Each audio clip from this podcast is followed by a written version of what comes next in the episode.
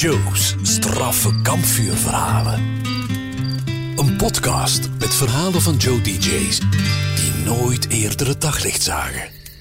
Hey, ik ben Born, jouw trouwe Joe DJ met Best of Belgium in het weekend. Maar in de week ben ik meestal aan het werk in de opnamestudio.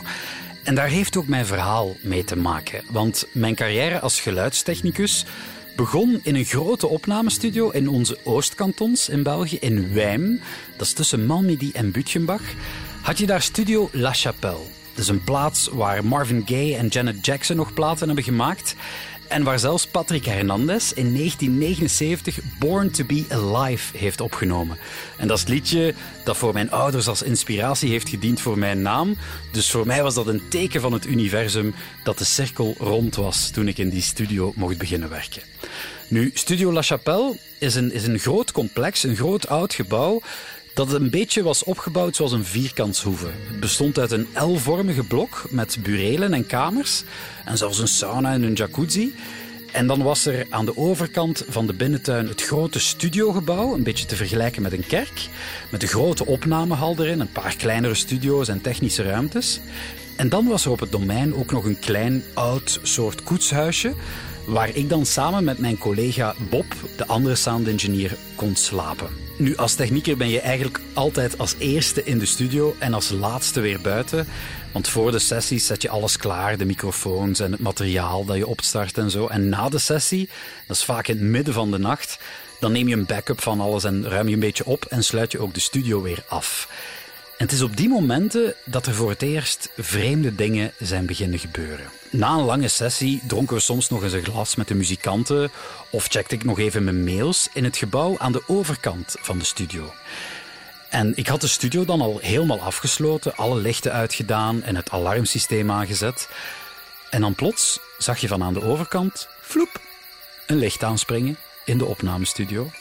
Vreemd, maar ja, veel kabels en oude leidingen daar. Dus een vals contactje, dat kan wel eens gebeuren. En plichtsbewust, als ik dan ben, ga ik terug door de tuin naar de grote donkere studio.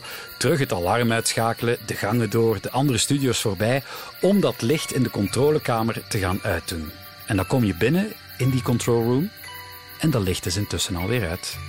Oké. Terug naar buiten, door alle gangen en langs de kleinere studio's. Maar wacht eens, die deur, die had ik daarnet toch dicht gedaan. En nu staat die deur terug open.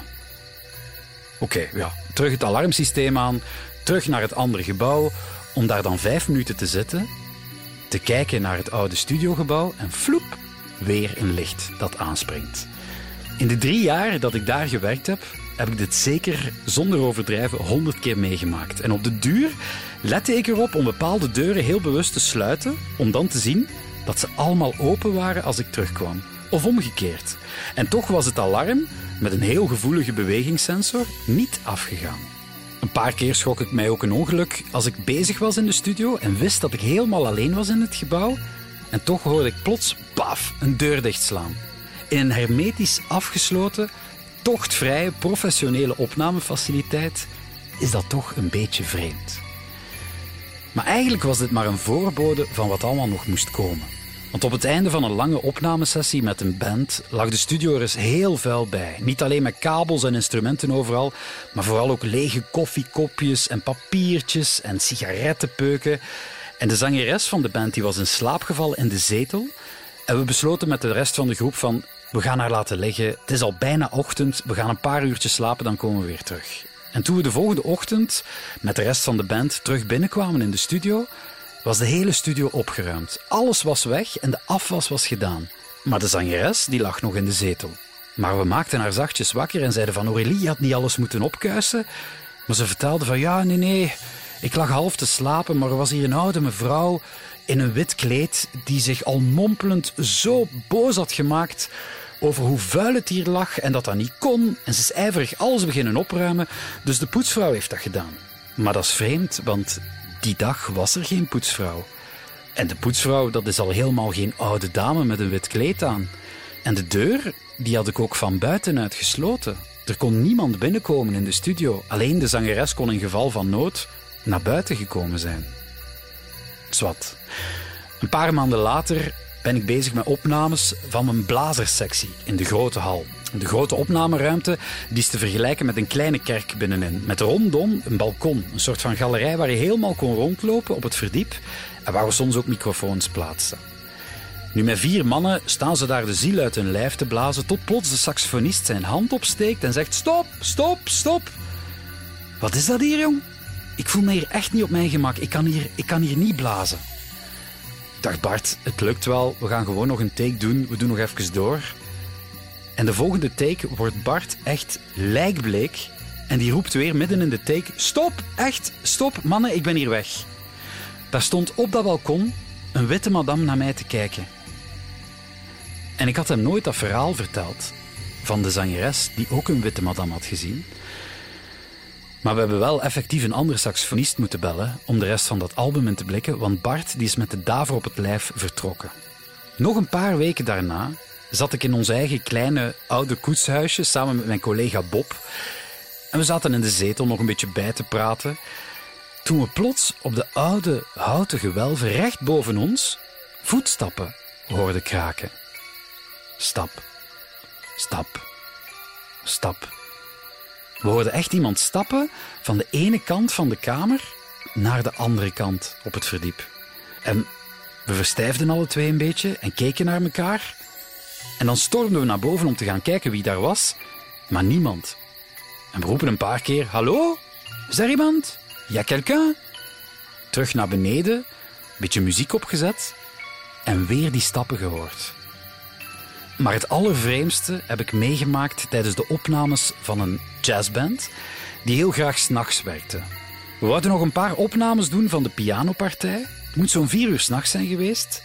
En de pianist zat achter de piano, helemaal achteraan de grote opnamehal. En had letterlijk zijn laatste noten gespeeld. En we wachten tot die helemaal zijn uitgeklonken en weggeëpt. Tot we plots door alle microfoons en op alle meters een signaal horen binnenkomen. En dat gaat.